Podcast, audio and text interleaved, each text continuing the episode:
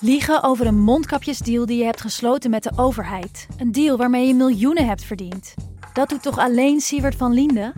Nou, nee. Ik ben Felicia Alberding en in de Mondkapjesmiljonairs duik ik met een team van correspondenten in andere schandalen. Want wist je dat Siewert helemaal niet uniek is? Luister de Mondkapjesmiljonairs in je Podimo-app. Of ga naar podimo.nl slash mondkapjes. En probeer Podimo 30 dagen. podimo.nl slash mondkapjes. Kijk, het gesprek begon ogenschijnlijk over het onrecht dat mensen wordt aangedaan als er zo'n vernietigende recensie wordt geschreven. En wat dat met mensen doet. Daar leek het gesprek over te gaan. Maar gaandeweg, en dat is dankzij goed redactiewerk van mijn eh, redacteur destijds, blijkt dat die test niet deugt. Via podimo.nl slash gonzo luister je de eerste 30 dagen gratis naar Podimo. podimo.nl slash gonzo. Wat heeft de burger nu gezien of gehoord? Weinig over inhoud. Wel over dat de verschillen gering zijn. Maar heeft in de afgelopen vijf maanden aan zien, voorbij zien eh, gaan. Een minister-president die wankelt door een motie van afkeuring. Een CDA wat permanent in de publiciteit is omdat het buitengewoon instabiel is. En nu twee partijen waarvan de inmiddels weer opgekrabbelde minister-president vindt dat onderhandelen met hen instabiele situatie zou opleveren. Voor een burger is dat toch een beetje wonderlijk. Dat betekent dus dat het indirect schadelijk is. Zeker de wijze waarop dat gebeurt. En ik vind dat politici eh, zich dat zouden moeten realiseren. Dit is Betrouwbare Bronnen met Jaap Jansen.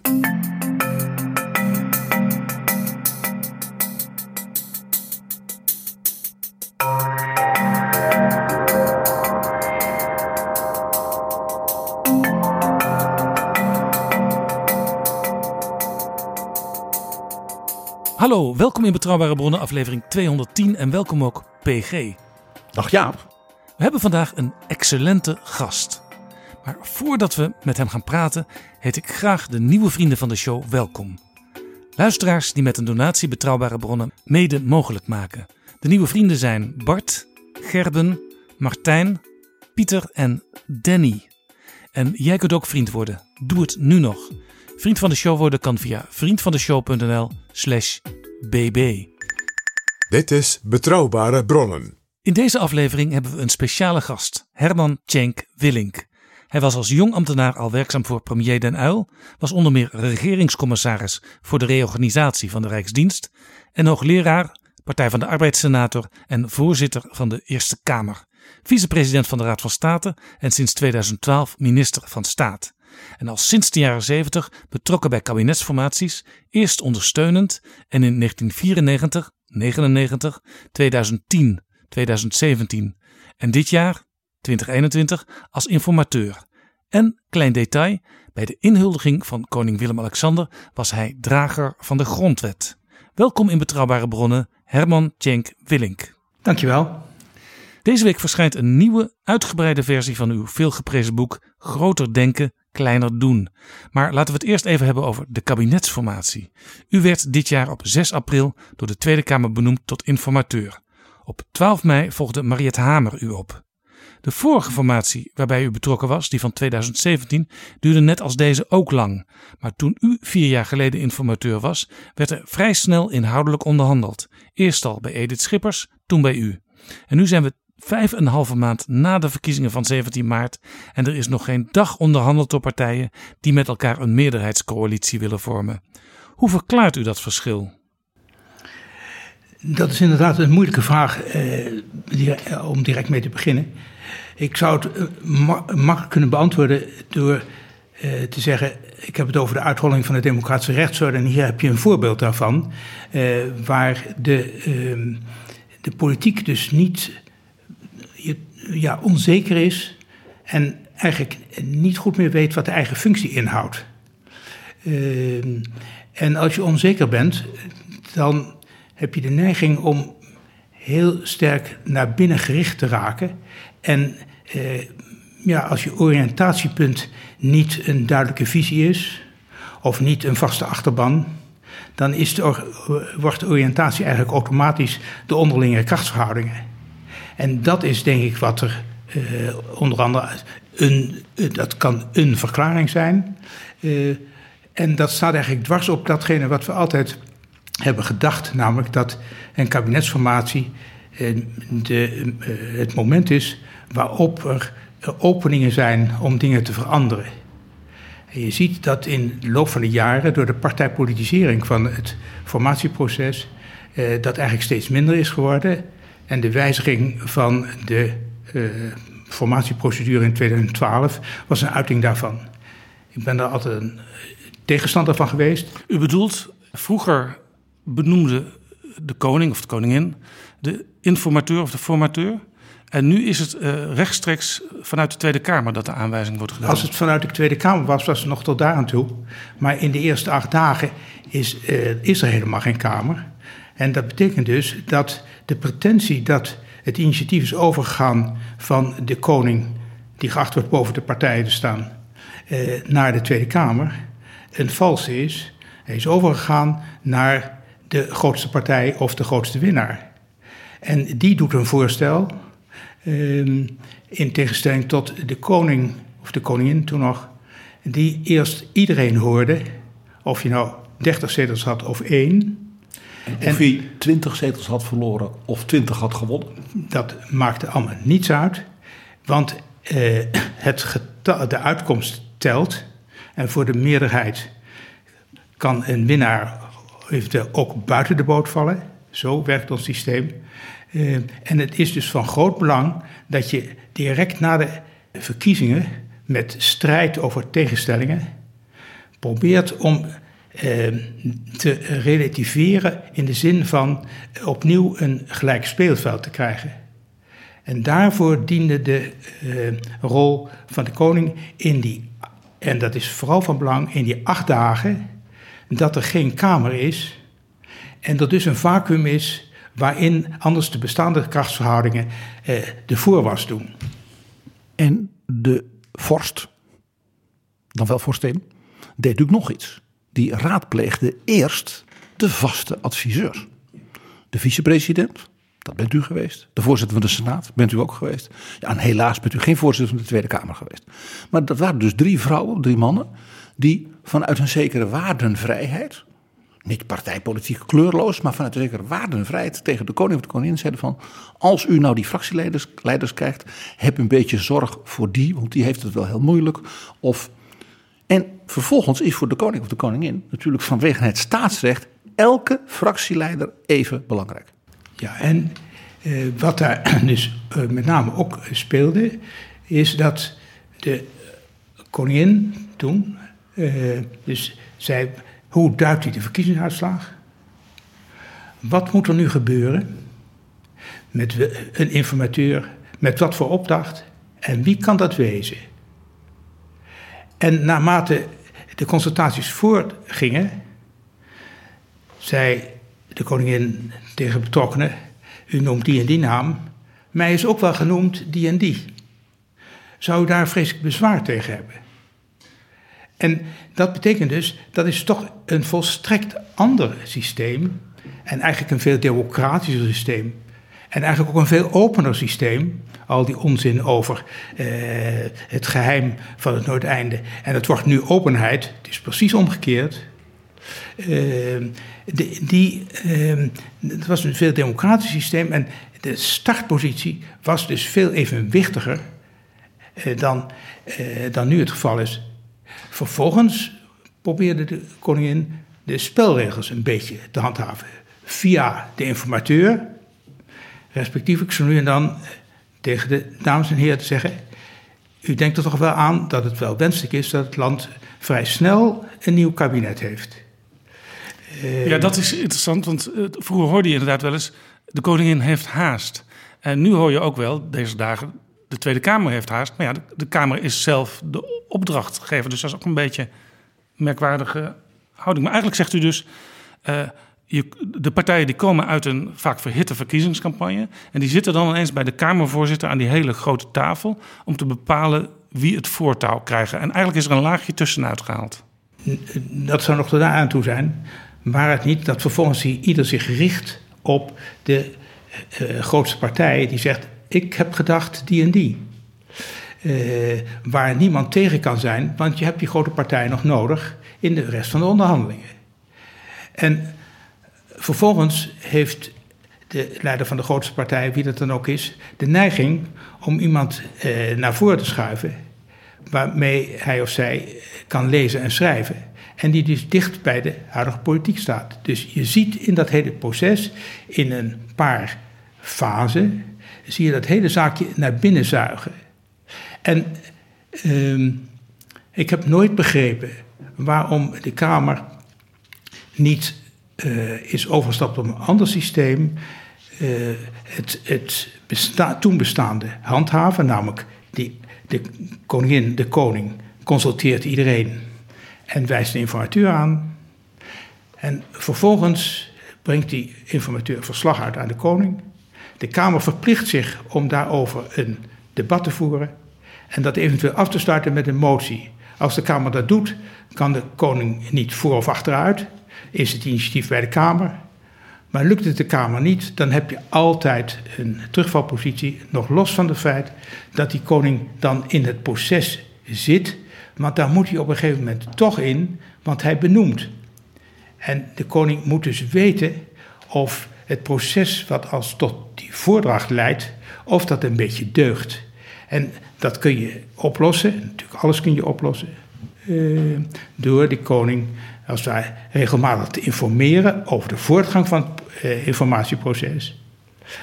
Maar uh, er is dus iets tussenuit gehaald, volgens mij door zo geconcentreerd te zijn op die positie van die koning. En zo weinig geconcentreerd te zijn en weet te hebben van hoe eigenlijk de politiek werkt. Dit is dus ook onkunde, naïviteit, uh, gebrek aan geheugen. Men was dus eigenlijk bedwelmd door het idee van de koning moet uit het proces gehaald worden. En dacht meer daaraan dan aan het belang voor de politiek zelf Precies. van het is, proces zoals het ging. Ja. Toen dat gebeurde in 2012, hè, was u toen al geen uh, vicepresident meer? Toen was ik geen vicepresident meer. Vraag het toch maar even. Want het is natuurlijk opvallend dat de Raad van State hier blijkbaar uh, nou, stil is geweest naar de Kamer. Nou, in zoverre, uh, er is natuurlijk van verschillende kanten. Uh, het is ook de vraag of de Raad van State in dit soort uh, processen, geheel uit eigen, op eigen doft. ik mag ook wijzen dat mevrouw Leijten onlangs een motie heeft ingediend. heeft het niet gehaald, maar waarin werd uitgesproken dat de Kamer geen behoefte had aan ongevraagde adviezen van de Raad van State over de constitutionele verhouding tussen Kamer en kabinet. Dat was omdat een ongevraagd uh, advies was geweest van de Raad over de ministeriële verantwoordelijkheid, uh, waar uh, dat genuanceerd was en tegelijkertijd zei: pas nu een beetje op, zo en zo in elkaar. Er worden verkeerde interpretaties aangegeven en dat beviel mevrouw Leijten niet. en vervolgens komt met. Als je dus ergens ziet dat die Kamer dus uh, eigenlijk geheel tegen waar ons systeem op rust, namelijk evenwicht en tegenwicht. Dus wat de Kamer permanent doet, ik heb in het boek ook een paar voorbeelden genoemd, is dus uh, zeggen: uh, als het ons niet bevalt, hebben we je niet nodig. En ehm, democratie is, evenwicht en tegenwicht is altijd nodig, omdat zonder tegenwicht elke macht tot een absolute macht wordt, ook de macht van de parlementaire meerderheid. Noemt u eens een zo'n voorbeeld? Hm? Noemt u eens een zo'n voorbeeld uit uw boek? Uh, de rechter doet een paar vonnissen waar hij eigenlijk zegt, waar je verschillend over kunt oordelen. De rechter is niet heilig. De, de, ook over de rechter kun je discussie voeren. Niet over de afzonderlijke uitspraak, maar wel over de opstelling. Van. En er is altijd een wetgever die de rechter daarin kan corrigeren. Maar uh, de gedachte, de rechter wijst de regering dat ze zich toch in ieder geval aan eigen normen moet houden en eigen verantwoordelijkheid moet houden. En vervolgens ontstaat een discussie, weliswaar om te provoceren, eh, door eh, Forum voor Democratie, over die kastocratie. Maar het tegenweer van de andere partijen was wel buitengewoon zwakjes in het begin. Dus daar zie je dat als wij. Er speelde waarschijnlijk ook mee dat een deel van de partijen, een groot deel, ongeveer de helft, uh, die was sowieso oneens met wat de rechter uh, had gevonnis, dus de, inhoud, ja. de inhoudelijke vonnis. Ja, dat gaat in het politieke debat ook meteen een rol spelen. Ja, natuurlijk. Maar eh, als je niet kunt, onderscheid kunt maken als wetgever tussen de individuele casus en de positie van de rechter, dan deug je niet. Dus dat is nogal, uh, nogal simpel. Als je niet ziet dat, als je twee dingen niet ziet, dat wetgeven ook rechtgeven is, omdat je wetgeven als instrument beschouwt, naar de mate je meer de wetgever als instrument behoudt en dat ook nog opportunistisch gebruikt, respectief onvoldoende aandacht aan de kwaliteit besteedt, breng je de rechter in de positie dat hij wel moet ingrijpen, omdat de wet dan geen recht oplevert. Ja, u was bij het aantreden van Willem-Alexander hoeder van de grondwet, maar u zegt eigenlijk elk Kamerlid moet hoeder van de grondwet zijn. Ja, natuurlijk. En van de wet. Hij, hij of zij legt een eed op de grondwet af. En dat betekent dat hij trouw zal zijn aan de grondwet. En niet aan de koning of aan de partijvoorzitter. Het is een eet op de grondwet. Hij, hij doet een eet op de grondwet. Hij is weer trouw aan de koning. Dat is iets anders. Dat is aan het instituut. Dus uh, ook dat is wat wel eens vergeten wordt. Uh, een essentieel onderdeel van democratie is het onderscheid tussen functie en persoon. Tussen ambt en persoon. Dus het gaat erom.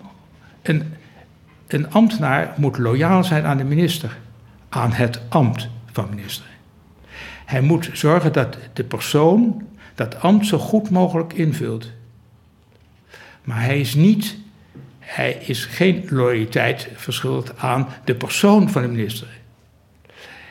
Dus eh, de drie kwaliteiten die ambtenaren moeten hebben: inhoudelijk deskundig, kritisch onafhankelijk en loyaal die drie uh, zijn, die hebben onderling natuurlijk een spanning.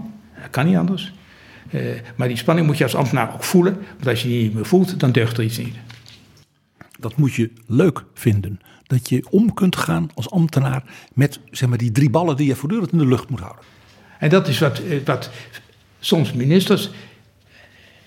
Uh, u noemde ze net Joop den Uyl. Ik kwam overigens binnen bij uh, Biesheuvel. En was uh, gedetacheerd nog anderhalf jaar in de commissie van Veen bij de Jong.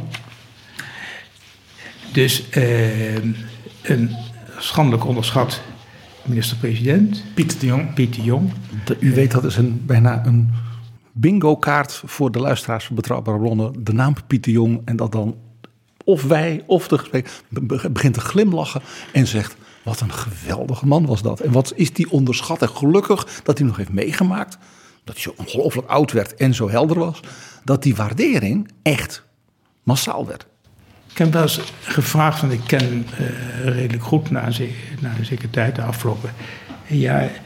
Uh, hij zei, Piet, het is toch gewoon interessant dat je in die... dat het een van de weinige kabinetten van na de oorlog is geweest... die zijn, de hele periode heeft volgemaakt. Ondanks het feit van de vele protesten. Ja, het was ook de tijd dat, dat eind jaren 60 de protestbeweging opkwam. Dat het land een beetje op zijn kop stond. Maagdenhuis, mei 68, Vietnam. Het was allemaal Piet de Jong. Ja, ik zei dat is toch interessant. Dat, dat, uh, uh, en toen zei hij, weet je, omgaan met macht is niet zo moeilijk. Als er die protestbewegingen zijn, dan krijg je natuurlijk advies van allerlei kanten. En wat je moet doen, is op een gegeven moment gaan zitten en denken en nagaan, wat vind ik zelf? En als je vindt dat er wel een kern van redelijkheid is, zit, of eh, wat de protesteerders doen, dan moet je gaan praten. Praten moet je toch. Als je vindt dat het uh, zijn, moet je niet aarzelen en moet je erop af. Het was een militair. En mijn antwoord was: Piet, dat heb je geleerd in de marine. Want in een onderzeeboot kan je een aantal situaties niet dulden en dan moet je loepzuiver uh, optreden. Maar goed, dat heb ik me dus altijd gerealiseerd. Dus grote bewondering voor Pieter Jong. Even terug naar de duur van de kabinetsformatie. Hoe schadelijk is zo'n lange duur als het nu aan de orde is? Het is, het is vooral schadelijk voor het aanzien van de politiek. Als er zoveel grote problemen zijn waar mensen zich zorgen over maken, terecht. Waar ook de nodige offers voor gebracht zullen moeten worden en waar men de zekerheid moet hebben dat dat evenwichtig zal gebeuren. Dan betekent dat dat er een uh, vertrouwen moet zijn in de politiek en dat de politiek dat kan. En, uh, en zo'n lange duur van een kabinetsformatie, waarbij aan de ene kant wordt gezegd uh, door de kabinetsinformateur op een gegeven moment. Uh, de inhoudelijke verschillen tussen de partijen die elkaar niet uitsluiten zijn gering. En tegelijkertijd, uh, ik heb wel eens gisteren zitten afvragen, wat heeft de burger nu gezien of gehoord?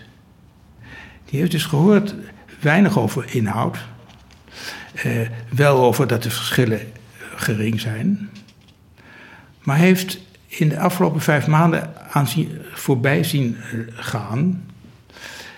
Een minister-president die wankelt door een motie van afkeuring, een CDA wat eh, permanent in de publiciteit is omdat het buitengewoon instabiel is, wordt geacht zijn. Uh, waar hij erg onzeker is over de positie van de voorman. En nu twee partijen waarvan uh, de inmiddels weer opgekrabbelde minister-president vindt dat onderhandelen met hen een instabiele situatie zou opleveren. Ik kan me er bij alle drie van alles voorstellen, daar gaat het niet om. Maar voor een burger is dat toch een beetje wonderlijk. En dat betekent, en tegelijkertijd gaat natuurlijk de positie van iemand als uh, mevrouw Kaag uh, wordt ook aangetast. Dat betekent dus dat het indirect schadelijk is. Zeker de wijze waarop dat gebeurt. En ik vind dat politici uh, zich dat zouden moeten Ja. Is misschien nog een ander element, dat is Europa. Europa is met allerlei uh, grote plannen bezig. Er is een herstelplan gemaakt. Er is een klimaatplan. Uh, er zijn grote geopolitieke vraagstukken. En dat zijn allemaal zaken waar Nederland uh, bij betrokken is. En waar Nederland, als het wil, een vooraanstaande rol in kan spelen. Bij hoe gaan we dat allemaal aanpakken. En Nederland laat op zich wachten. Dat is gedeeltelijk maar te, uh, door de kabinetsformatie. Want uh, een van de problemen, ik geef dat in het boek ook wel aan, omdat ik me er zo verschrikkelijk aan erger al jaren, uh, is dat Nederland altijd een hele dubbele positie ten aanzien van Europa heeft ingenomen. Dat is traditioneel zo, maar op een gegeven moment moet je toch realiseren dat je als Nederland, zeker uh, na de val van de muur, zeker na de brexit, onderdeel bent van het continent. Nu kan dat wel in, in strijd zijn met je langjarige eh, traditie, ook als republiek, namelijk anti-continentalisme.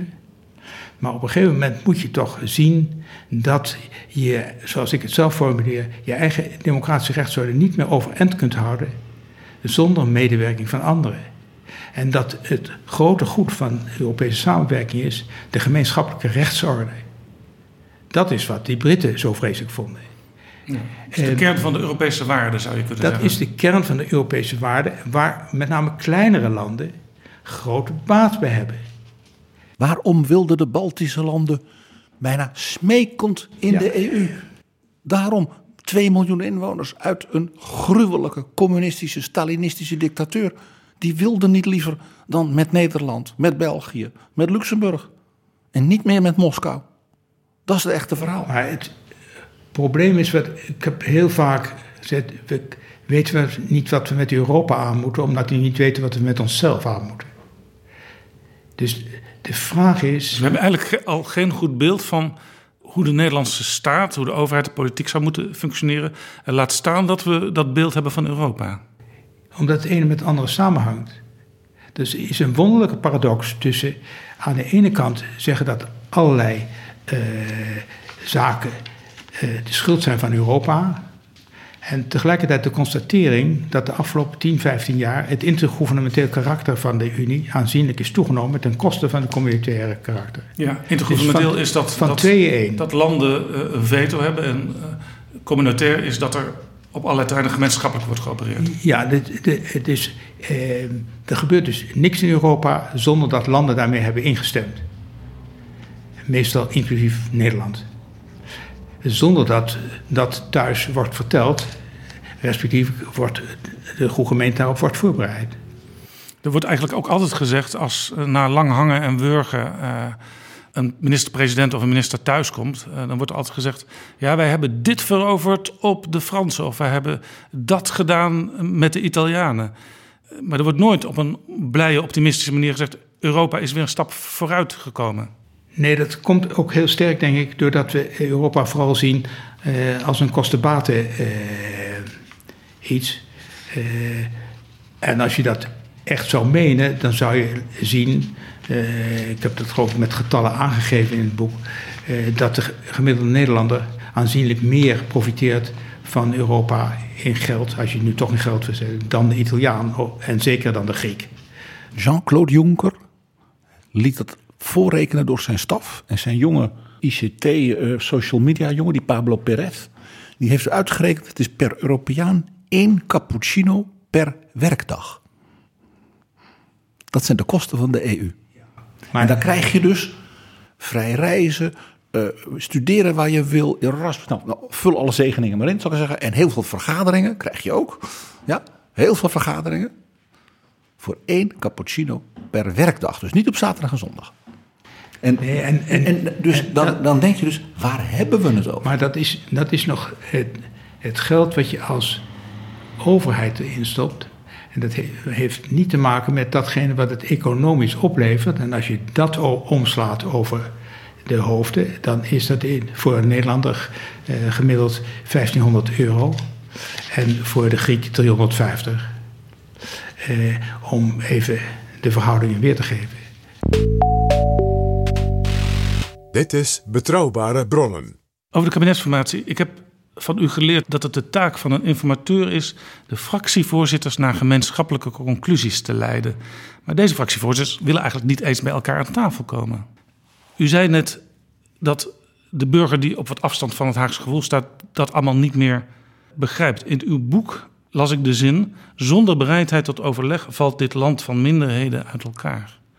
Is dat ongeveer het moment dat nu is aangebroken? Nou, er is natuurlijk altijd wel overleg. Eh, dus daar, daar ontbreekt het eh, niet aan. Ik denk dat. Eh, en, en, je moet ook altijd eh, vreselijk oppassen dat eh, zelf te vallen in de valkuil eh, van schuld en boete. Dit is de schuld van die en die. Was het maar zo eenvoudig, dan uh, zorgt hij ervoor dat die en die uh, het pand zou verlaten en dan zou het opgelost zijn. Zo zit het niet in elkaar. Nou, het, het probleem is misschien nog ernstiger, namelijk alle betrokken partijen rondom het midden uh, hebben ergens wel een blokkade neergelegd. Ja, daar moet je dus doorheen. en ik zal zo verstandig zijn om niet te antwoorden hoe dat zou moeten. Die vraag wou ik nou net stellen. Ja, dat dacht ik. Ik, ik zag het al in uw gezicht, dus ik dacht ik ben één slag voor. Uh, maar uh, ook omdat ik gewoon onvoldoende weet van de ins en outs. als ik één ding altijd heb geleerd uh, en heb proberen uit te dragen als informateur is... je moet weten waar je het over hebt. Want anders dan word je uh, ja, commentator op het nieuws aan de zijlijn. Ja, want toen u aantrad als informateur in deze kabinetsformatie, Toen ging u eigenlijk doen waarvan u straks vertelde dat oorspronkelijk de koningin dat altijd deed, namelijk alle partijen uitnodigen en allemaal weer vragen: hoe ziet u de situatie en hoe zou u eh, het misschien als begin van een oplossing aanpakken? U was koning Herman I. Ja, ik weet niet of dat nou. Dat is natuurlijk wel mijn uit, uiterste ambitie. Maar eh, nee, even alle eh gekken om het stokje. Eh, ik had een opdracht om iets uit te zoeken. En daarvoor had ik. En dat was niet beperkt tot partijen. Dus daar had ik alle partijen voor nodig. Want het debat in de Kamer werd ook gevoerd door alle partijen. De motie van afkeuring tegen eh, de minister-president, of nee, tegen de heer Rutte, laten we eh, het zuiver stellen. Eh, die eh, wa- werd door iedereen gesteund, behalve door de VVD. Dus U heeft het dan over de motie Kaag-Hoekstra. ja. En eh, dus niet de motie van wantrouwen, maar want die werd Ja, de afgewezen. motie die op 1 april Ja. werd ingediend en aangenomen en ja, die tot een padstelling leidde. Ja, en waarom was die padstelling? Eh, ik moest eigenlijk ook toen al vrij snel denken aan 1977, De Dat formatie is- van dat- het tweede kabinet NL wat er niet kwam. wat er niet kwam. Dat werd het kabinet van Acht Wiegel. En waar dus de twee rationaliteiten met elkaar strijden.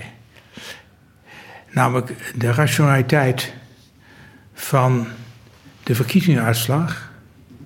De grootste partij, de leider van de grootste partij, die, waarvan de partij niet van zins is om te laten vallen. Ja, Ook Partij van de Arbeid was, en, en, eh, en geen enkele reden toe is. was veruit de grootste geworden. Het CDA was ook eh, een grote partij. Er waren nog andere partijen bij betrokken. Nee, maar er was in 77 was de spanning tussen onderhandelen met eh, de eh leider, fractievoorzitter van het CDA en Van Acht niet op justitie.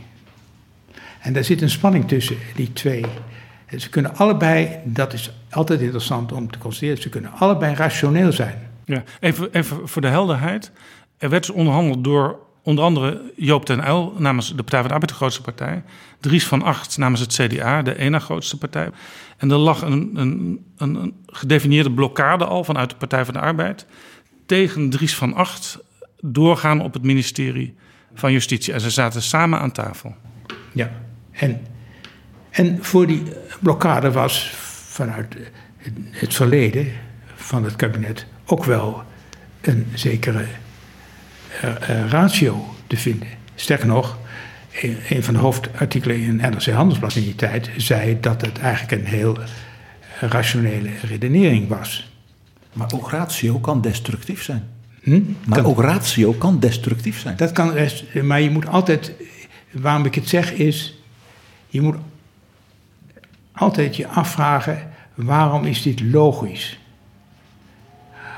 Omdat als je zegt, maar dit is onlogisch, dan probeer je iemand ga je iemand proberen te overtuigen van de onlogica, terwijl dat voor de persoon zelf logisch is. Dus je moet altijd proberen in te denken, ook als informateur, waarom is de opstelling van die partij op zichzelf logisch? En wat zou ik niet doen? En is dat logisch? Is dat ook eh, gunstig voor die partij zelf? Of is het per saldo niet gunstig? Ik bedoel, dat, dat zijn. eh, dat kost nu dan misschien sommige moeite, maar daarvoor zit je. Zit je Mag ik dat meteen even concretiseren? Het is lastig, want het gaat over de actualiteit nu. Maar eh, Mark Rutte, de leider van de VVD, die zegt... ik wil best met de Partij van de Arbeid of eh, GroenLinks regeren... maar niet met die partijen samen. Want samen hebben we ze voor de meerderheid in de Tweede Kamer niet nodig. En dat leidt tot instabiliteit. Ja, en, de, de vraag is of dat laatste eh, juist is. Als je tegelijkertijd eh, ook met het CDA eh, onderhandelt. Maar goed, daar ga ik niet over. Omdat het CDA ook instabiel is op dit dat, moment. Ja, dat weet je ook niet precies. Dus daar ga ik niet over, daar heb ik geen oordeel over. Maar het gaat ook uit van het feit dat je eigenlijk, en dat is het oude D66-standpunt, eh, je moet nodig zijn voor de meerderheid. En het is de vraag of, dat, daar is ook zoals bij alles een vraagteken te plaatsen. Eh, want zou je niet de uh, mogelijk coalitie niet wat breder trekken als je zo grote problemen moet aanpassen. En als je ook best wel sterke flanken hebt, kan het dienstig zijn dat je partijen rondom het midden inderdaad een nog wat, wat bredere groep laat vormen. Nou, afgezien van het feit de meerderheid de Eerste Kamer, maar ik. En om te vermijden dat voor beschuldigd dat ik me nu met deze kabinetsformatie uh, direct bezighoud. In 2010 heb ik dat uh, al voorgesteld. Dat vijf partijen vertegenwoordigd zouden zijn in het kabinet. Dat was toen, als je links-rechts wilt zien, heel evenwichtig verdeeld. Uh, en daar ook een proeven voor een regeerakkoord op hoofdlijnen voor gemaakt. Wat ernstig protest opleverde bij Wilders. Wat eigenlijk merkwaardig was, ook een paradox. Want een regeerakkoord op hoofdlijnen, waarom vond ik dat eh, van belang? Om de oppositie niet monddood te maken. En met name de grootste winnaar van de verkiezing, namelijk de PVV. Dus het was juist bedoeld om openheid te creëren en met name de grootste winnaar niet buiten haken te plaatsen. Eh, en daarvoor had je nodig een breed eh, kabinet, waardoor je ook enige ruimte kunt laten voor afvallers. Dus dat was de gedachte in 2010. En ja, het, uh, uh, het, het zal wel aan mijn langzaam verouderingsproces te wijten zijn, maar dat soort gedachten, dat verdwijnt dan niet zo ziek. Maar het gekke is, in deze kabinetsformatie heeft de Tweede Kamer zelf ook uitgesproken wij zijn voor een regeerakkoord op hoofdlijnen nu in 2021. De Kamer wil het dus nu, zeggen ze, eigenlijk voor het eerst heel duidelijk. Denkt u dat het er dan ook komt? Ik heb, ik, kijk, mijn, uh, ik had toen ik aantrad als informateur, uh, waren er een paar wensen. Uh, nu eerst concentreren op de inhoud. twee, meer dualisme en drie, een andere bestuurstijl. En bij meer dualisme hoort een niet dicht gesprek het regeerakkoord. Mij wordt vaak in mond gelegd dat ik uh, geen dik regeerakkoord wil. Ik heb het eigenlijk zelden over dik en dun. Ik heb het over een regeerakkoord wat dicht geregeld is. Dus mijn probleem zit hem in het karakter van het regeerakkoord. En niet zozeer in de dikte of de de dunte van het regeerakkoord. En dat heeft te maken omdat ik vind, en dat was een interventie in 2017 in de Kamer, ook eh, onder enig protest van eh, eh Wilders, eh, waar eh, op een gegeven moment gezegd, je moet goed zien dat we eigenlijk altijd overslaan de fase van de definiëring van het probleem. Zijn we het eens over het probleem? En hoe ziet het probleem er dan uit? En wat zijn de oorzaken daarvan? En wat zijn de belemmeringen? En wat is het doel wat we moeten bereiken? En dat we dat overslaan en vervolgens dus ook overslaan. Uh, wat zijn de paar, want zoveel zijn er niet, uh, oplossingsrichtingen en direct overstappen op regelingen.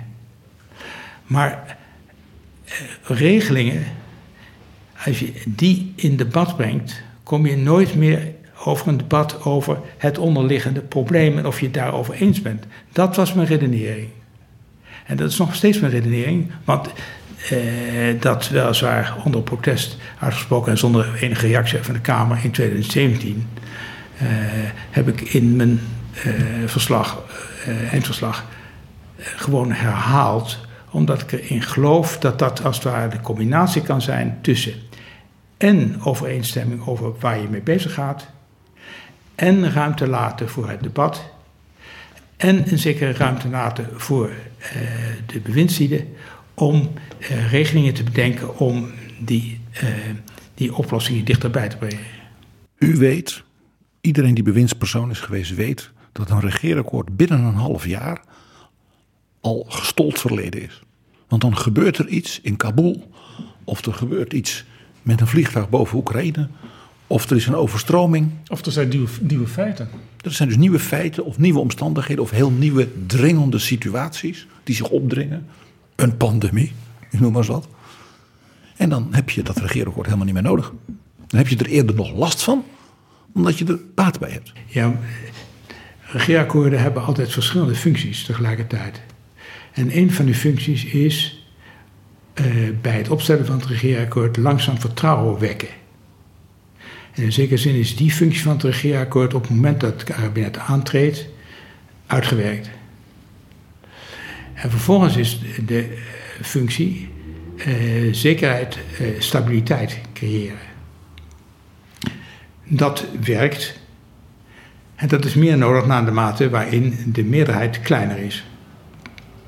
Als je die meerderheid zo klein mogelijk maakt, dan heb je dus een dikke regeerakkoord nodig, want dan kun je geen afvallers eh, permitteren. En vervolgens is het regeerakkoord eh, na een drietal jaren uitgewerkt omdat de situatie veranderd is. En dan kan het regeerakkoord eh, tegenwerken, zoals het bijvoorbeeld deed in, bij Paars 1 of 2, waar het regeerakkoord eh, de afspraken in het regeren een procyclische werking hadden, economisch gesproken. En het was onmogelijk om dat open te breken. Dus daardoor was het kabinet bezig pro-cyclische politiek te voeren. Terwijl dat ja, de Het ging steeds beter met de economie. Dat was ook de bedoeling van het regeerakkoord. Maar daardoor eh, kwam er over een verhitting van de economie. Ja, precies. Je draagt er zelf aan bij. Zoals we overigens permanent eh, te laat zijn met ingrijpen... of het nu de hypotheekrenteaftrek is... of pensioenakkoord of eh, dat soort dingen meer. En, uh, of de stikstof. Ja, dus het zijn allemaal ik, problemen. Ik, ik herinner me dat u al uh, ja, ongeveer twintig jaar geleden waarschuwde voor de, de, verwoording van het systeem van de hypotheekrenteaftrek. Twintig jaar geleden ongeveer. En nu kunnen jongeren eh, en jonge gezinnen, jonge gezinnen geen huis meer vinden.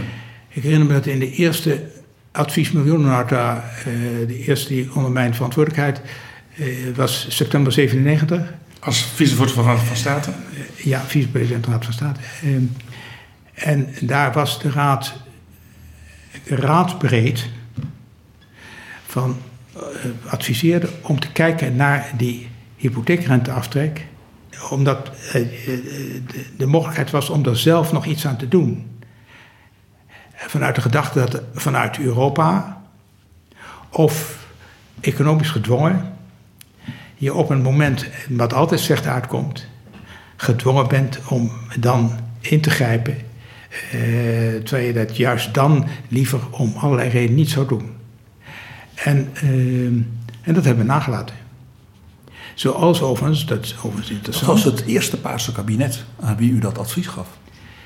Dit was het eerste Paarse kabinet waar ik dat advies gaf. Dat was dus plichtsverzuim van de dames en heren van toen. Nou ja, kijk, als je daar. Het kwam politiek niet goed uit. Maar dat is heel eh, legitiem. Ja, ik herinner mezelf dat Wim Kok op het congres van de Partij van de Arbeid. Tegen de, de leden van de Partij van de Arbeid zei. Wij gaan niet morrelen aan die hypotheekrenteaftrek. En de, de achterliggende gedachte was natuurlijk. dat helpt mij niet om samen met de VVD te regeren.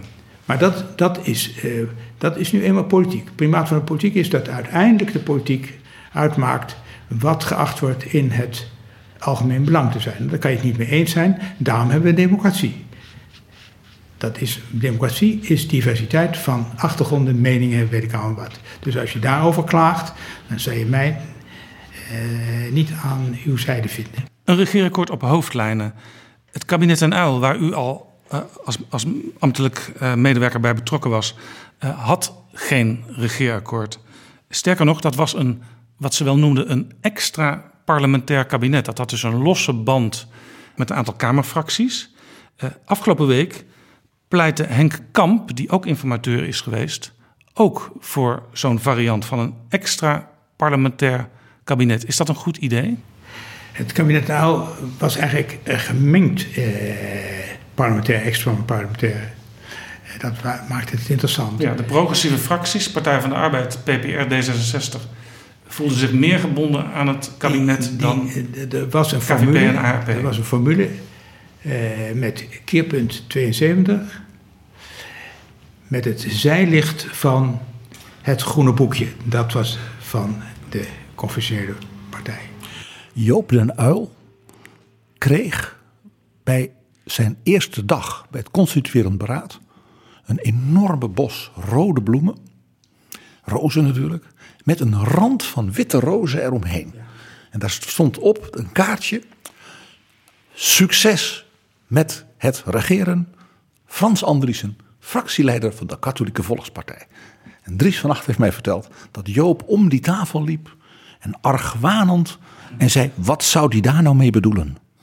En waarop Dries van Acht zei: Dat wantrouwen, dat niet begrijpen van het verschil tussen Rome en de Reformatie, dat was de ondergang van zijn kabinet. Op de eerste dag begon dat al. Ja, nee. begrijpen dat dus van die verschillende verhoudingen. Maar dat, daar zat, en dat zie je in 77 eigenlijk nog meer, eh, dat ehm, het onvoldoende contact hebben onderling tot misverstanden leidt. En dat was heel sterk tussen PvdA en CDA in eh 77 het geval. Ehm, misverstanden ook dat ehm, onder leiding van Antjes eh, het CDA dus eerder bereid zou zijn om naar. dat heb ik nooit begrepen, omdat Antjes moest laten zien dat hij voor het hele CDA acceptabel was.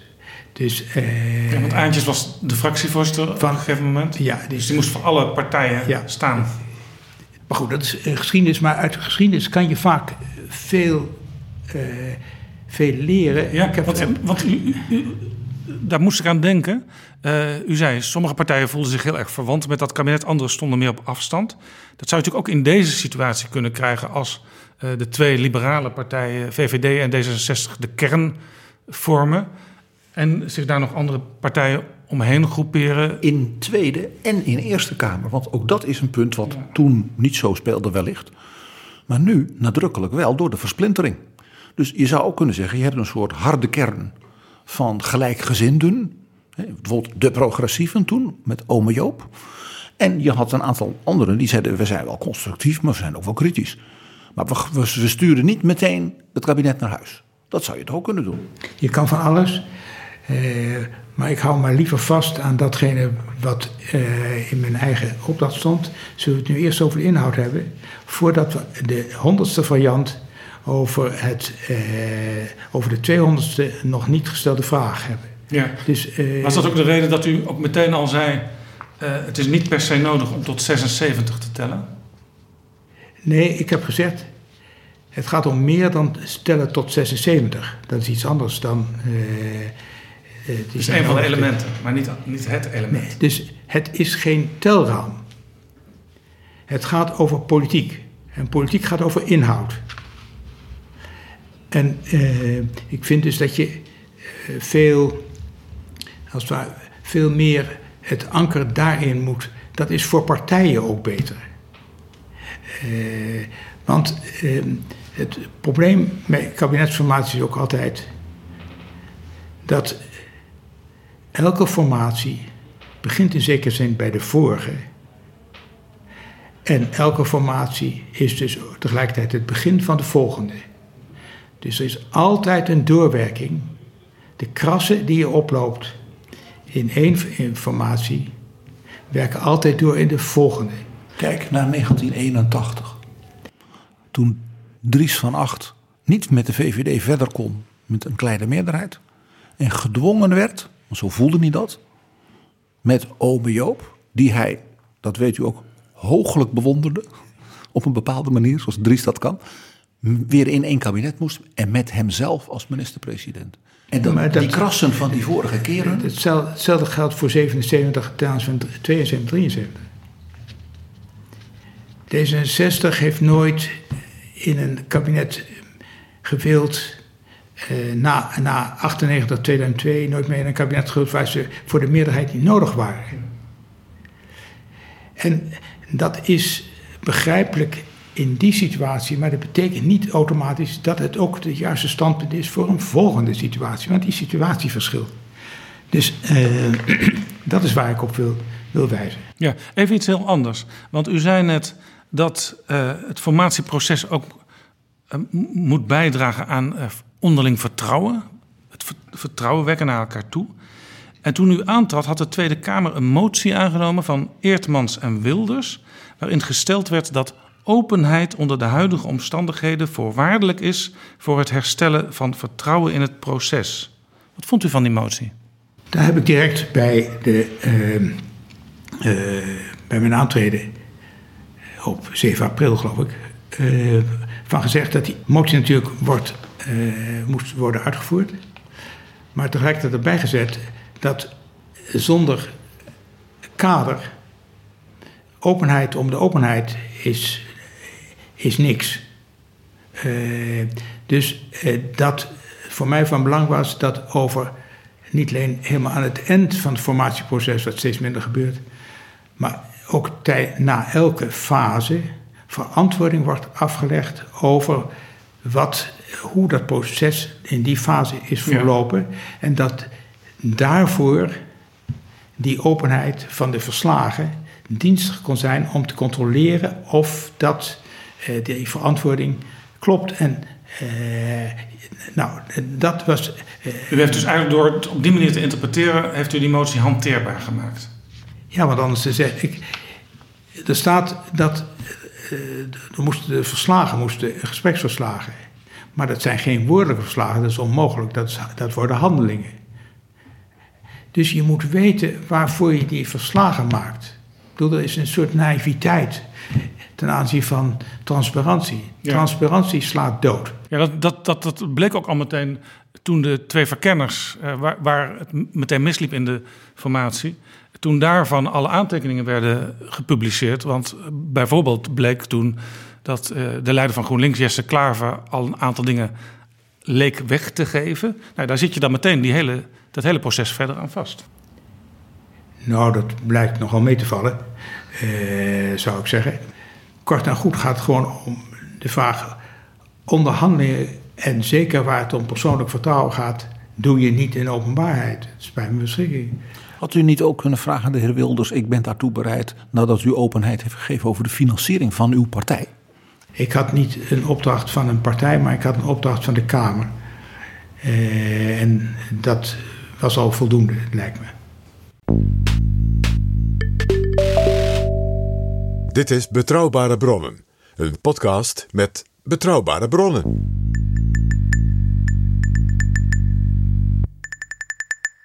Ik wil even naar uw eh, boek gaan, want deze week verschijnt Ja, want anders dan denk je, denkt iedereen dat het boek alleen maar over kabinetsformaties gaat. Maar Het gaat ook over kabinetsformatie, Ja, ja, zeker gaat- aan het eind van het boek. Oh, Mag, mag ik, waar gaat voor u uw boek over? Mijn boek gaat over het feit, dat is eigenlijk, het is, is dus een heruitgave van een boek, een dunner boek, wat ik eerder heb eh, eh, eh, gepubliceerd. Groter denken, kleiner doen heette dat. Groter en kleiner doen. De kern van de boodschap is, het functioneren van de overheid zelf holt de democratische rechtsorde uit. Dus dat is niet door eh, economische krachten, ook. Niet door de criminaliteit, ook. Maar door het wijze waarop de overheid functioneert, holt de democratische rechtsorde uit. En de democratische rechtsorde is het laatste en het enige gemeenschappelijk fundament wat we nog hebben. En eikpunt eh, om de boel draaiend te houden. En zonder die democratische rechtsorde en dat fundament, de spelregels waarmee overheid met ons en de burgers onderling met elkaar omgaan, zonder die spelregels geldt het recht van de sterkste. En aangezien we dat niet zeggen niet te willen, moet je dus goed realiseren, moet dus dat functioneren van die overheid anders. En daarvoor heb je nodig om te analyseren, dat probeer ik te doen, ook in de nieuwe delen daarvan, te analyseren hoe de overheid, wat, eh, wat het functioneren van de overheid in de afgelopen 30 jaar heeft bepaald. En dat die weg doodloopt. Nu is het constateren dat een weg doodloopt, is één ding. Maar daarmee weet je nog niet welke andere weg je moet inslaan. Ja, u, u sprak in het verleden ook vaak over een sluipende crisis. Is die crisis inmiddels zo aan de oppervlakte gekomen dat die eigenlijk voor iedereen zichtbaar wordt? Ik zou zeggen, eh, lees eh, de ochtendbladen en de avondkranten en je komt een heel eind. Ik bedoel, de, de kindertoeslagenaffaire is natuurlijk, heeft heel veel eh, aandacht getrokken. Maar de mechanieken zijn hetzelfde. Sterker nog, de compensatieregeling voor de slachtoffers van de kindertoeslagen, die komt maar steeds niet van de grond, omdat daar heeft een commissie die daar naar gekeken heeft, geconstateerd, uh, daar dezelfde problemen aan ten grondslag liggen die de affaire hebben veroorzaakt. Je kunt een probleem niet oplossen met het denken dat het heeft veroorzaakt, zei Einstein. En dat is wat permanent gebeurt. En wat er dus moet gebeuren is dat de politiek zich in ieder geval realiseert dat ze onderdeel van het probleem is. En permanent bijdraagt aan de herhaling van het probleem. Dat zie je aan de enquêtes, waar ik ook vrij, of in ieder geval een aantal bladzijden aan gewijd heb, om te laten zien dat alle enquêtes vanaf de jaren 80 steeds vergelijkbare conclusies eh, opleveren. Ja, het sluit ook aan op wat u al eerder zei uh, over de, de formatieperiode. Uh, men gaat meteen over tot regelen zonder eerst uh, te analyseren en te definiëren. Ja, en maar bij die uh, enquêtes heeft ook te maken dat men het, althans dat is mijn verklaring, dat men al die affaires waar een enquête naar wordt, of een onderzoek naar gedaan, dus blijft zien, althans tot nu toe, het is, wordt steeds minder mogelijk, als incident. Als incident waaraan iemand schuld moet hebben. Ja. En dan treedt een minister af en dan is het probleem opgelost. Ja, het incident, een betreurenswaardig incident, eh, waar iemand schuld aan moet hebben. Eh, en dat heeft dus te maken met, daar zit achter en onder dat ministerie van Verantwoordelijkheid wordt eh, gezien als schuldaanspraakheid. Terwijl het een risicoaanspraakheid is, dat iets anders. Dus, Legt u dat verschil eens voor onze jonge luisteraars uit? Als een, ik geloof dat Arthur Dokters van Leeuwen ooit wel eens uh, als voorbeeld heeft gebruikt. Arthur Dokters van Leeuwen, uh, lang topambtenaar op Binnenlandse Zaken geweest. Precies. Hoofd van de Veiligheidsdienst. Absoluut fenomeen uh, in Den Haag. Ehm, die had wel eens het voorbeeld van een takeltouw van een verhuizer met een piano. Die van Thierry, die, die piano. Nou ja, dat, de, uh, dokter Van Leeuwen had dit voorbeeld al volgens mij voordat Thierry was geboren. Maar goed, dat terzijde. Toen waren er namelijk ook al piano's. Hoewel misschien dat niet iedereen tot iedereen is doorgedrongen, maar dat terzijde. Uh, de, ehm, die man heeft dat touw nog laten controleren. Bij het ophijzen van die piano breekt dat touw en de piano dondert naar beneden, schade. De man heeft de risicoaanspraakheid, hoewel hij er duidelijk geen schuld aan heeft. Dus dat is wat de ministeriële verantwoordelijkheid is. De minister kan er helemaal niets aan doen persoonlijk, hij wist er niks van. Hij moet ook niet van alles weten, want dan wordt hij gek. En dan komt hij niet aan de hoofdlijnen toe. Dat is het grote probleem van het incidentalisme. Dat heeft geloof ik een van de afgetreden er ook wel gezegd. Dan zit je de hele dag in de Kamer, je wordt een paar eh, vragen gesteld. En tegelijkertijd denk je, die stapel op mijn bureau op het departement wordt alleen maar hoger. Hoe kom ik daar nog doorheen, zodat ik weet wat er speelt? Wat ik eh, door uw hele boek heen lees, is dat er vaak uh, grote problemen zijn die door, door iedereen gevoeld worden. Uh, dat politici en ambtenaren meteen beginnen met regels bedenken, zonder het, goed, het probleem goed te analyseren en te definiëren. En er komt nog iets bij, dat uiteindelijk moet iets worden uitgevoerd, maar dat de aandacht daarvoor ook al heel snel weer verdwijnt bij de mensen die de regels maken. Ja, dat is een van mijn troetelkinderen, uh, de uitvoering. Uh, een van de, denk verschillen en onuitgesproken discussiepunten die uh, er waren tussen ehm, wat ik dan maar noem de spraakmakende elite in Den Haag en mijn eigen opvatting over, ging over beleid en uitvoering vanaf de jaren tachtig. Uh, dat is overigens ook allemaal zeer te verklaren. Het gaat dus niet, ook daar niet over schuld of verwijten. Maar het gaat over de vraag dat de, een wonderlijke paradox is dat, de, dat politici, en zeker bewindslieden, het meeste belang bij hebben dat de uitvoering goed loopt. Want als dat niet het geval is, komen zij in de problemen.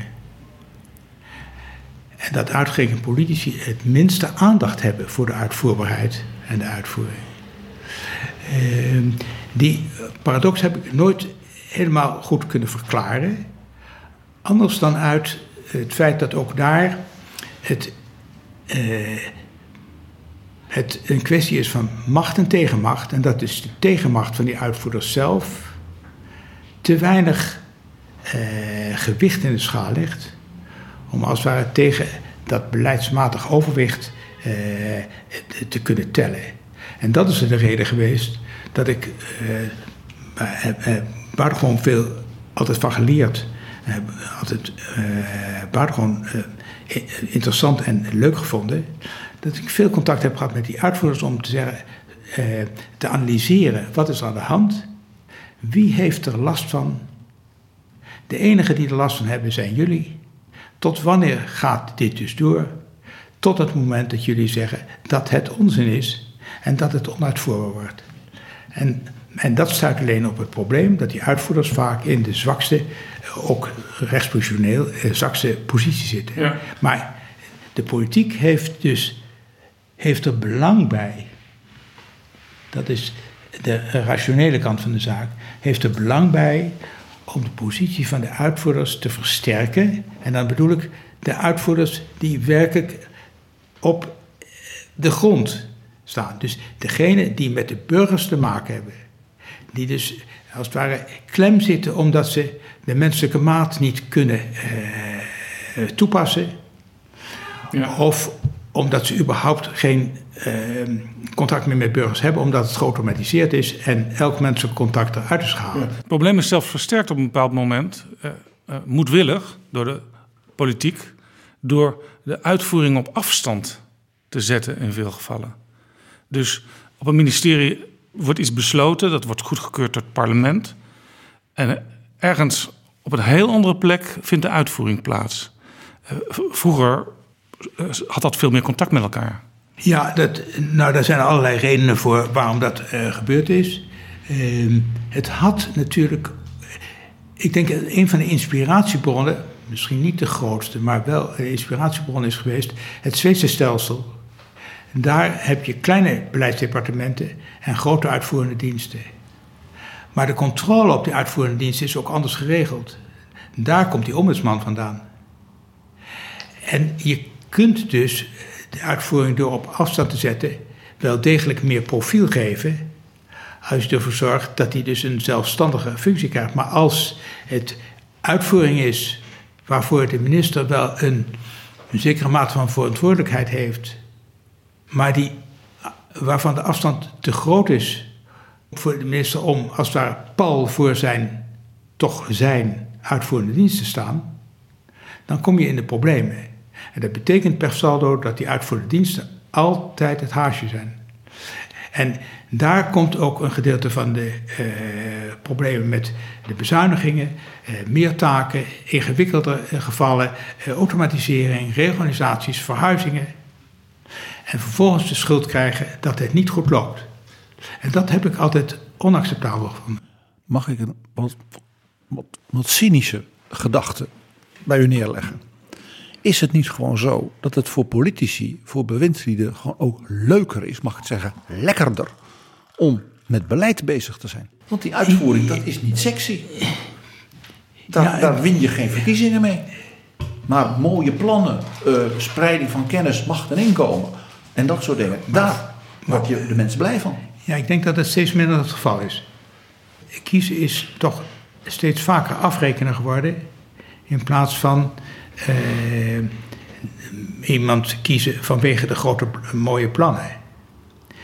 Als je burgers bij je wilt houden, dat zeggen we te willen, uh, omdat dat onderdeel van de democratie is, een vrij essentieel onderdeel zelf van de democratie. Uh, dan moet je kijken wat er in de wereld van die burger gebeurt. En wie, als het ware, de, de verbindingsschakel is. Het gezicht van de overheid. Zijn de professionals op de werkvloer. Dus als je iets aan het functioneren en de geloofwaardigheid van die overheid wil doen, dan moet je daar wezen, omdat daar die moeilijke koppeling plaatsvindt tussen datgene wat beleidsmatig is bedacht en datgene wat in de maatschappelijke werkelijkheid moet worden gerealiseerd. Met alle differentiatie die daarbij zit, waar je tegelijkertijd gelijkheid in acht moet nemen, maar ook rekening moet houden met het specifieke geval. Gelijke gevallen worden gelijk behandeld, is het uitgangspunt. En je moet voor twee dingen oppassen. Dat die stelling niet omdraait. Gelijke behandeling vereist gelijke gevallen. Dat is de automatisering. Of dat je niet meer ziet dat het spiegelbeeld van deze stelling is dat ongelijke gevallen ongelijk behandeld worden. Eh, en dat is verrotte moeilijk, omdat de diversiteit eerder toeneemt dan afneemt. En dat doe je niet met callcenters. Dat burgers naar een callcenter moeten en dan Nee, druk eh, op drie als u een antwoord in het Turks wil. Voor uw eigen eh, hoe heet het, eh, veiligheid of maken wij gebruik van een keuzemenu. Ja. Alom klinkt nu de roep om een sterke overheid. Dat, dat lees je ook in het VVD-verkiezingsprogramma bijvoorbeeld. Eh, maar als ik goed luister, hoor ik u eigenlijk zeggen: een sterke overheid. Ja, daar hebben we niks aan als die overheid op dezelfde manier blijft functioneren. Meer overheid die zo functioneert als nu, is vergroot de problemen in plaats van dat hij die ver- vermindert. En eh, ik begrijp het, NRC Handelsblad de kop, meer overheid, eh, meer overheid, minder markt. En dat is een, dan denk ik, ja, net alsof er twee ordeningsprincipes zijn, overheid en markt. Het kan elkaar versterken. Of, of Ze moeten elkaars tegenwicht vormen en elkaars correctie. Maar dat is niet meer het geval als de overheid zich voor zijn eigen functioneren zo van de markt afhankelijk maakt. In mijn boek zei ik ook, de overheid is een verdienmodel geworden voor het private ondernemerschap. Nu is dat allemaal best, dat gun ik ze best. Maar ik vind dat je publiek en privaat uit elkaar moet houden en dat je veel beter moet nagaan wat is de rol van de overheid eh, en dat is in de loop van de decennia natuurlijk gewisseld. Van direct na de oorlog via de beweging, de mislukte beweging van 68, eh, naar de eveneens nu mislukte eh, bedrijfsmatige aanpak. ja, de overheid als eh, BV Nederland, de, Ja, de overheid als manager. ja, dat is nog iets anders. De rol van de overheid in de zin van wat moet die overheid doen? Wat is legitiem dat die overheid doet? Precies. En wat, daar, zullen we, daar verschillen de partijen van mening van. Daarvoor zijn er verschillende partijen. Maar ze moeten wel een opvatting daarover hebben. En ik vind dat je een van de eh, ankers die je daarvoor kunt gebruiken. niet alleen de klassieke, maar ook de sociale grondrechten zijn. Er zit een wonderlijke paradox in het feit. Ik ben eh, in die zin echt een volgeling van Hans van Mierlo. Ben dol op paradoxen. De, eh, er zit een wonderlijke paradox in het feit dat, als het ware, de opbouw van de verzorgingsstaat heeft zich uiteindelijk is uiteindelijk ook neergeslagen in de sociale grondrechten. In 83 met algemene stemming de grondwet opgenomen. Ja, bijvoorbeeld het recht op wonen. Het, eh, ja, dus eh, woonruimte, ruimtelijke ordening, onderwijs, eh, goed milieu, culturele ontplooiing, nou, eh, noem maar allemaal op. Staan er allemaal. Eh, het aantal Kamerleden die dat weet, weet niet of die heel talrijk zijn, maar goed dat er zijn. Nee, dat zijn Als dat culturele ontplooiingsrecht serieus was, dan hadden we niet maar één operahuis in Nederland. Dan hadden we tenminste drie. De socia- sociale grondrechten zijn als het ware de kernverantwoordelijkheden van de overheid. Ik heb altijd bezwaar gehad tegen het eh, gebruik van het woord kerntaken. Kerntaken is namelijk een organisatorisch begrip. Kerntaken kun je ook, daar kun je verantwoordelijk voor zijn en ze dan toch uitbesteden. Maar de kernverantwoordelijkheden van de overheid, die zijn behalve in de heel ander karakter hebbende klassieke grondrechten, in de sociale grondrechten, En het is interessant om te De zien. kernverantwoordelijkheid heeft ook een normatieve lading. Hè? Je bent daar zelf verantwoordelijk voor. De, ja, dus de overheid is verantwoordelijk voor dat daar iets aan gebeurt. Mijn voorbeeld, ik geloof ook in het boek, is als het werk, het hebben van werk, een verantwoordelijkheid is van de overheid, moet je dus de vraag stellen: als sommige mensen geen werk kunnen krijgen omdat ze gediscrimineerd worden of de markt dat niet levert, wat betekent dat voor datgene wat de overheid moet doen? Welke invulling geeft ze daar dan aan? En dan kan je niet zeggen, ik geef ze geld en ze zoeken het maar zelf maar uit. Vind ik althans. Ja, dus een soort basisinkomen is dan geen zeg maar, goede invulling van dat sociale grondrecht. Dat, dat zou misschien een invulling kunnen zijn voor dat iedereen recht op een, eh, eh, eh, ja, een minimum aan eh, inkomen heeft. Maar ik ben, maar goed, dat is natuurlijk een puur po- politiek standpunt. Ik ben veel meer voorstander van voor een basisbaan en het definiëren wat arbeid eigenlijk is als mogelijkheid tot, ontplooiing dan voor basisinkomen. Maar goed, dat is. eh, en wat je dus nu ziet, is dat als het ware. ehm, in 83 slaan we als het ware codificeren. De grondwet is een codificatie, niet voor modificatie. Daar is altijd een. Er is een mooi inaugurele reden van Koopmans ik over. ehm, de grondwet, we moeten iets in de grondwet opnemen, want dan gaan we daaraan beginnen. De grondwet slaat iets neer wat tot het gemeenschappelijk goed is gaan behoren. Nou, Vandaar ook dat die procedure om de grondwet te wijzigen zo lastig. lang, langdurig is. Precies. En, eh, en het interessante is dat dat wordt dus gecodificeerd in 83. Op het moment dat die overheid begint om die verantwoordelijkheden allemaal af te bouwen. En wat het interessante is, dat eigenlijk bij die afbouw er nooit een woord over de sociale grondrechten wordt ge- ge- gebruikt. Dat is dus wonderlijk. Eh, en als het ware geeft aan, eh, ja, toch eh, een gedeelte van het begin van die uitholling. Ja. De titel van uw boek was Groter denken, kleiner doen. Vind ik een hele mooie titel. Het nieuwe boek, wat ook wat dikker is geworden, dat heeft ook een nieuwe titel. Kan de overheid crisis aan? Met een beetje omineus vraagteken. Want wat is uw antwoord daarop? Gezien wat u nu ook allemaal verteld heeft. Mijn antwoord is een dubbele. Het eerste antwoord is, ze zal wel moeten. En het tweede antwoord is, Het is haar maar dat taak. kan... Het is, de overheid heeft gewoon die taak. En als ze die taak dus niet goed doet, dan moet ze het op de falie krijgen. Dus, en het tweede antwoord is, daarvoor moet het functioneren veranderen. Dus zodanig dat de democratische rechtsorde wordt versterkt en niet verder wordt uitgehold. Want die democratische rechtsorde is de voorwaarde om gemeenschappelijk, om een beetje een redelijke samenleving te hebben waarin het veranderen mogelijk is. Want eh, anders dan, eh, ja, wat, eh, wat ik net al zei, dan geldt het recht van de sterkste.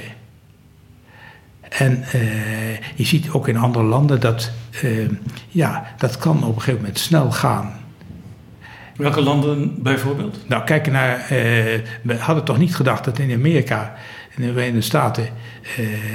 eigenlijk zo, zo snel een Trump zou. en ja, ook de, het hele. daar hebben media natuurlijk ook een rol in. Het permanente strijd die je moet leveren om eh, beelden en sentimenten niet de overhand te laten krijgen. En erop te hameren dat het in de overheid gaat om feiten en waarden. Het is een normatief begrip. De democratische recht is een or- normatief begrip. Het is een normatieve context. Dat is wat economen en bestuurskundigen eigenlijk altijd eh, miskennen. En dat heeft te maken met hun vak, de hun studie. Economie moet waardevrij zijn. Dat is al dubieus of dat zo is. Dus, maar dus, zelfs. dus, dus economen en bestuurskundigen, die, daar ontbreekt iets in hun opleiding. Ja, en wat in ieder geval ontbreekt is dat ze zich niet realiseren dat als die feiten al waardevrij zijn, wat ze niet, niet zijn, toch altijd geïnterpreteerd moeten worden in een normatieve context. Dat is weggezakt. En iets wat is weggezakt, kan ook weer opkomen. We hebben tenslotte 40 jaar geleden zijn we ook begonnen met iedereen een opleiding te geven in management. Dan moet het toch ook mogelijk zijn om iedereen weer een opleiding te geven in wat democratie en recht betekenen. U zegt dan gaat het recht van de sterkste gelden. En dat willen we niet. Ik ben daar niet zo zeker van. De opkomst, wat ik altijd noem het sociaal Darwinisme, mede door de ontzuiling, uh, is natuurlijk het opkomst van het denken in vormen van ook wat ik een biologisch determinisme. Ik ben sterker, dus ik heb meer recht. En dat is ook de, de sportverheerlijking, is natuurlijk ook een vorm van sociaal Darwinisme en is een dominante factor. Ja, dus ik ben er helemaal niet zo zeker van dat de gedachte dat we de, democratische rechtsorde willen beschermen, omdat het recht van de sterkste niet moet heersen, of die gedachte wel klopt. Oh, nou, die, dat, dan zijn we daar in ieder geval uh, mee, met elkaar oneens. Uh, hierbij geconstateerd. Uh, ik vind juist dat de democratische recht is een normatief concept dat insluit en niet uitsluit. en dat betekent dat er grenzen zijn aan de ongelijkheid die je kunt permitteren. En, maar, eh, maar willen, wil, wil, willen de mensen in Nederland dat nog wel? Het, eerlijk gezegd interesseert me dat relatief weinig. Omdat ik een bepaald soort maatschappij en een bepaald soort eh, democratische rechtsorde overeind wil houden. En tot mijn laatste snik, al ben ik de laatste, zal zeggen: dit is eh, dit is de wijze waarop uh, we in deze maatschappij met elkaar hebben te leven. En dat dat ongebruikelijk is geworden. En dat door de economisering van de samenleving en door de individualisering van die samenleving, dat is weggezakt. Kijk naar de coronacrisis. Uh, kijk naar uh, het feit dat op het moment dat uh, de economie stil ligt, hoe belangrijk hoe het, het welzijn wordt.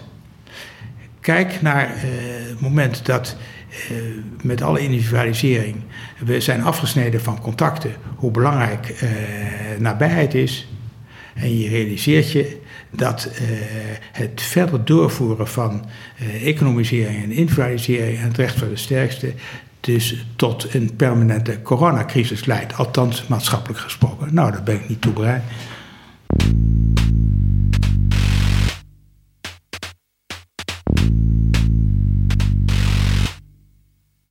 Overheid moet anders gaan functioneren, is uw pleidooi. Laten we weer teruggaan naar de politiek. Eh, nu even in het bijzonder de Tweede Kamer. Die bestaat inmiddels uit 18 fracties, straks 19. Wat kan de Kamer zelf weer doen om weer greep op het proces te krijgen? Ten eerste denk ik als Kamer definiëren wat de functies zijn. Uh, het heeft mij altijd verbaasd dat de Kamer, niet zozeer dat de Kamer eh, zich eh, zo aan een boog over haar eigen functioneren, maar wel dat ze eh, dan tegelijkertijd niet het had over wat de functies zijn. Hoe kan je over functioneren praten als je het niet over functies hebt? Ook hier geldt begin bij het begin. Waartoe zijn wij op aarde? Ja, het lijkt me nogal handig. Kijk, het, kwaliteit, als je zegt de kwaliteit van de Kamer moet omhoog. Kwaliteit is verbonden aan functie.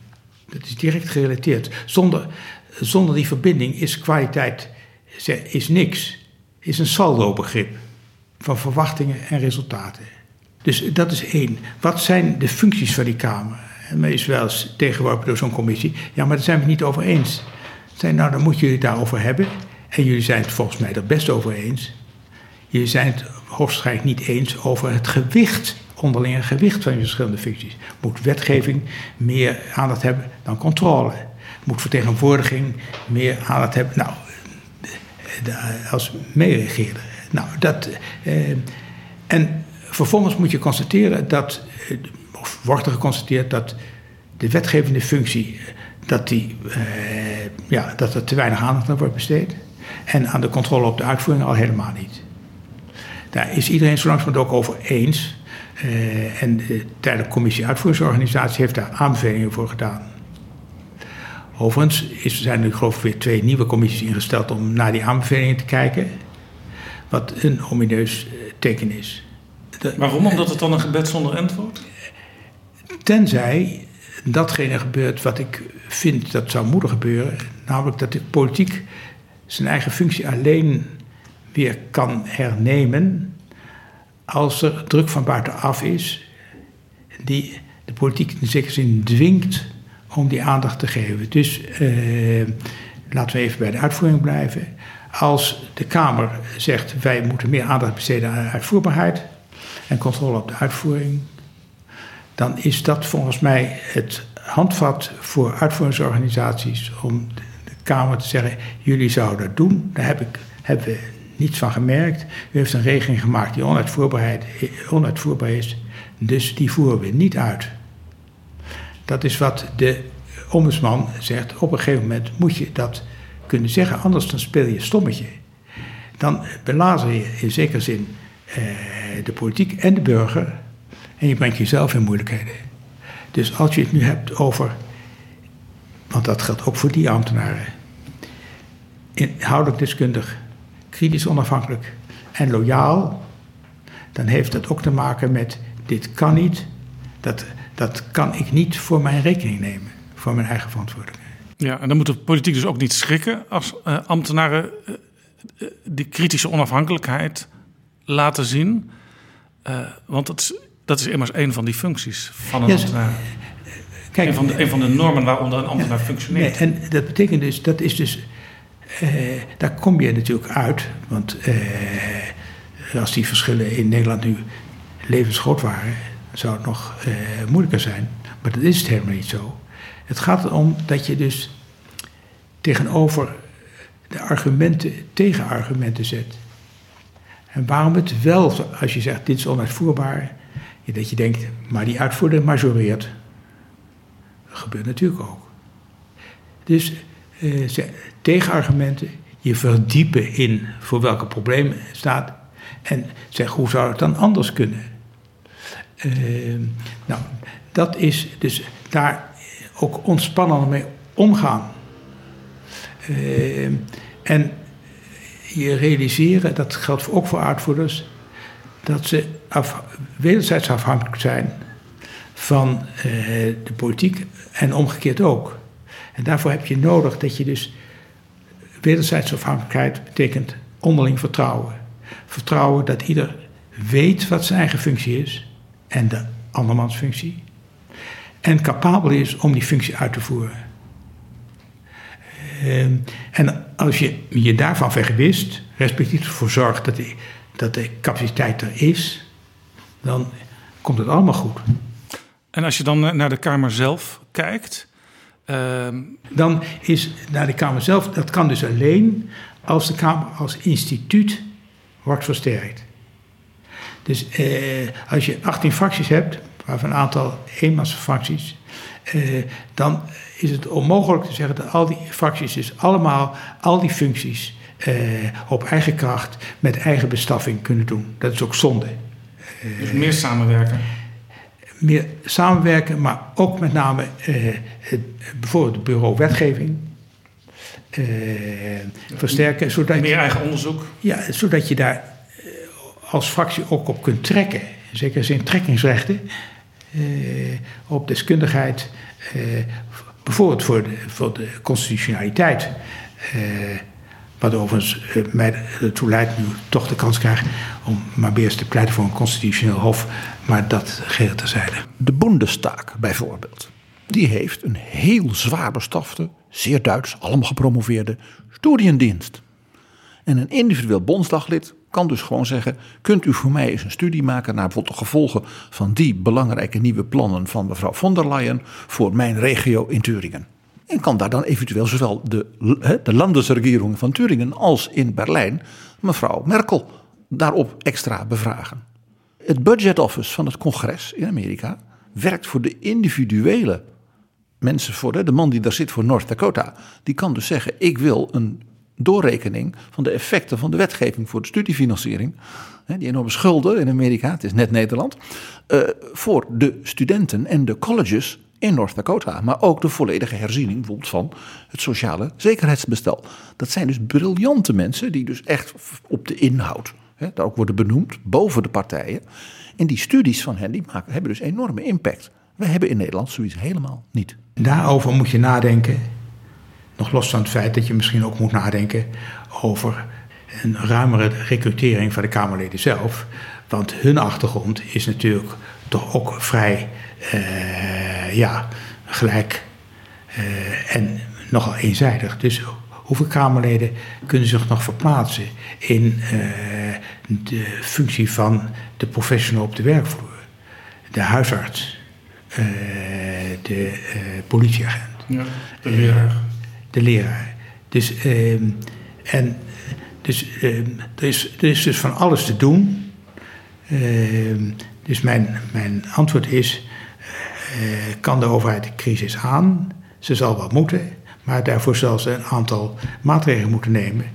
En, en, en mijn bedoeling is, als het ware, om te zeggen: als je vindt dat zoals het nu gaat niet goed gaat, dan geeft dit misschien een paar handvatten voor de richting waarin je zou kunnen ja, denken. Er is ook een enorm snelle doorstroming van uh, leden van de Kamer. Uh, ze hebben nauwelijks ontdekt hoe het, hoe het werkt. Er zijn verkiezingen en hun partij zegt al: wij zetten jou lager of helemaal niet meer op de lijst. Ik neem aan dat u daar ook niet blij mee bent. Nee, kijk, dat is het punt van het collectief geheugen. Wat op alle uh, manieren dus uh, ja, verwaarloosd wordt. En door de doorstroming uh, in de Kamer. En door, ook bij ministers, maar ook in de journalistiek. Je hoort ook vaak zeggen, de kiezer heeft altijd gelijk. maar die kiezer zet nu wel 18 fracties in die Tweede Kamer neer. Heel veel mensen denken, ja, kun je zo wel werken? Nou ja, in ieder geval moet je een poging doen. Zolang het stelsel is zoals het is, vind ik dat je de kiezers eh, moet, eh, zo goed mogelijk moet bedienen. Dus eh, al die mensen die na vijf maanden formeren, waar niet over de inhoud is gepraat en wel over onderlinge posities, zeggen er moeten nieuwe verkiezingen komen. Daarvan zeg ik altijd: kiezers zijn geen oproepkrachten. Uh, en uh, kiezers zijn in vrij grote getalen naar de stembus gegaan. Ze hebben deze uitslag gegeven. En daarmee hebben we het te doen. Uh, en dat is ook best mogelijk. Want laten we wel wezen, uh, er zijn twee meerderheidsvarianten mogelijk. Alleen we kunnen niet kiezen. dat is weer iets anders dan we hebben ze beide geblokkeerd. De nieuwe fractievoorzitters vond het allemaal even leuke mensen. Dat is ten eerste. Uh, en de gesprekken waren ook allemaal even aangenaam. Uh, dus daar ligt het niet aan. En ze zijn ook allemaal even uh, bevlogen in de zin vanuit hun optiek.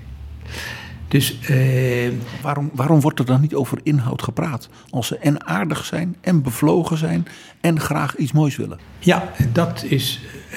neem voor de volgende podcast successievelijk de verschillende mensen uh, om die vraag voor te leggen.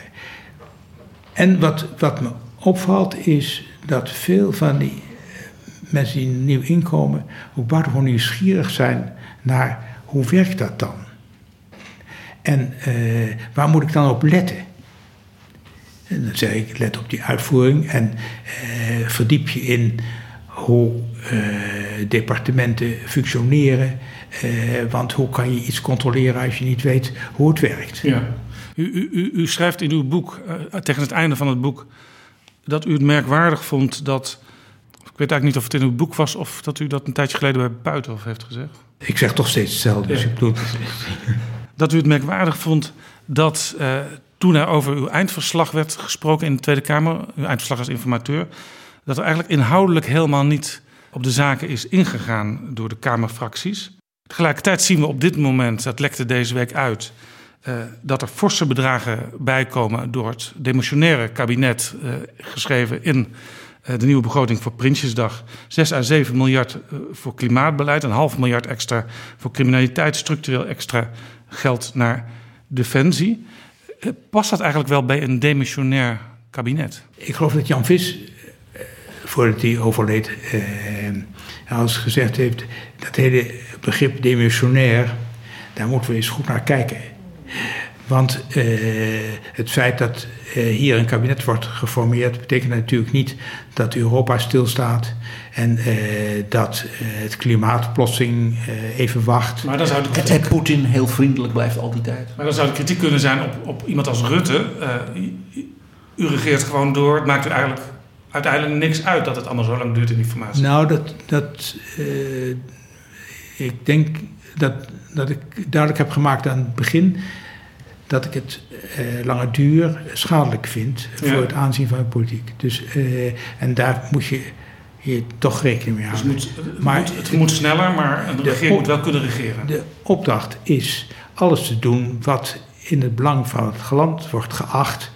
Het staat niet is, maar wordt geacht door het demissionair kabinet. En dat je daar enige terughoudendheid en dat je voor zover geen terughoudendheid kunt betrachten, dat in overleg met de Kamer doet, dat is denk ik, uh, dat zou evident moeten zijn. Ik heb nog één onderwerp. Uh, ik was een paar jaar geleden op vakantie in Madrid. En daarin werd in El País uitgebreid verteld over de heer Cenk Willink. Die was uitgeleend door Nederland aan koning Felipe. Want het was moeilijk uh, het formeren van een regering in Spanje. Kunt u daar eens iets over vertellen? Dat is een geromantiseerde versie van eh, wat er feitelijk aan de hand was. In Spanje eh, was er toen de vraag naar, eh, ja, de, inderdaad, coalitie, naar regerings- of nieuw kabinet vormen en coalitievorming. En de Nederlandse ambassadeur, die had toen de gedachte, misschien kunnen we wel eens iemand die weet hoe het in Nederland gaat, eh, vragen om daar een uiteenzetting over te geven. En zo ben ik uh, afgefladderd naar uh, Madrid en heb dat gedaan. Nou, dat vond de mensen met wie ik gesproken heb interessant. Die, door de ambassadeur uitgenodigd. En de voorzitter van het parlement geweest. Maar zoals zo vaak, de situatie daar is volstrekt anders dan in Nederland. Dus het is altijd goed om kennis te nemen van elkaars systeem. Maar je moet heel goed weten wat de ins en outs zijn van het andere systeem. Om te kijken of je er überhaupt iets aan hebt. Hadden ze wat? Dat weet ik niet, want ik ben weer afgereisd. En op een gegeven moment is er een kabinet gekomen, maar dat komt er altijd. Ook in Nederland. En laten we met die optimistische blik eindigen. Hartelijk dank voor uw komst naar Betrouwbare Bronnen, Herman Tjenk Willink. Bedankt.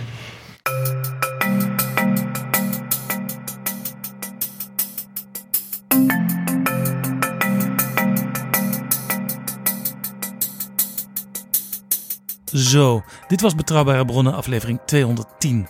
Deze aflevering werd mede mogelijk gemaakt door de vrienden van de show. Mensen die met een donatie hun waardering laten blijken voor betrouwbare bronnen.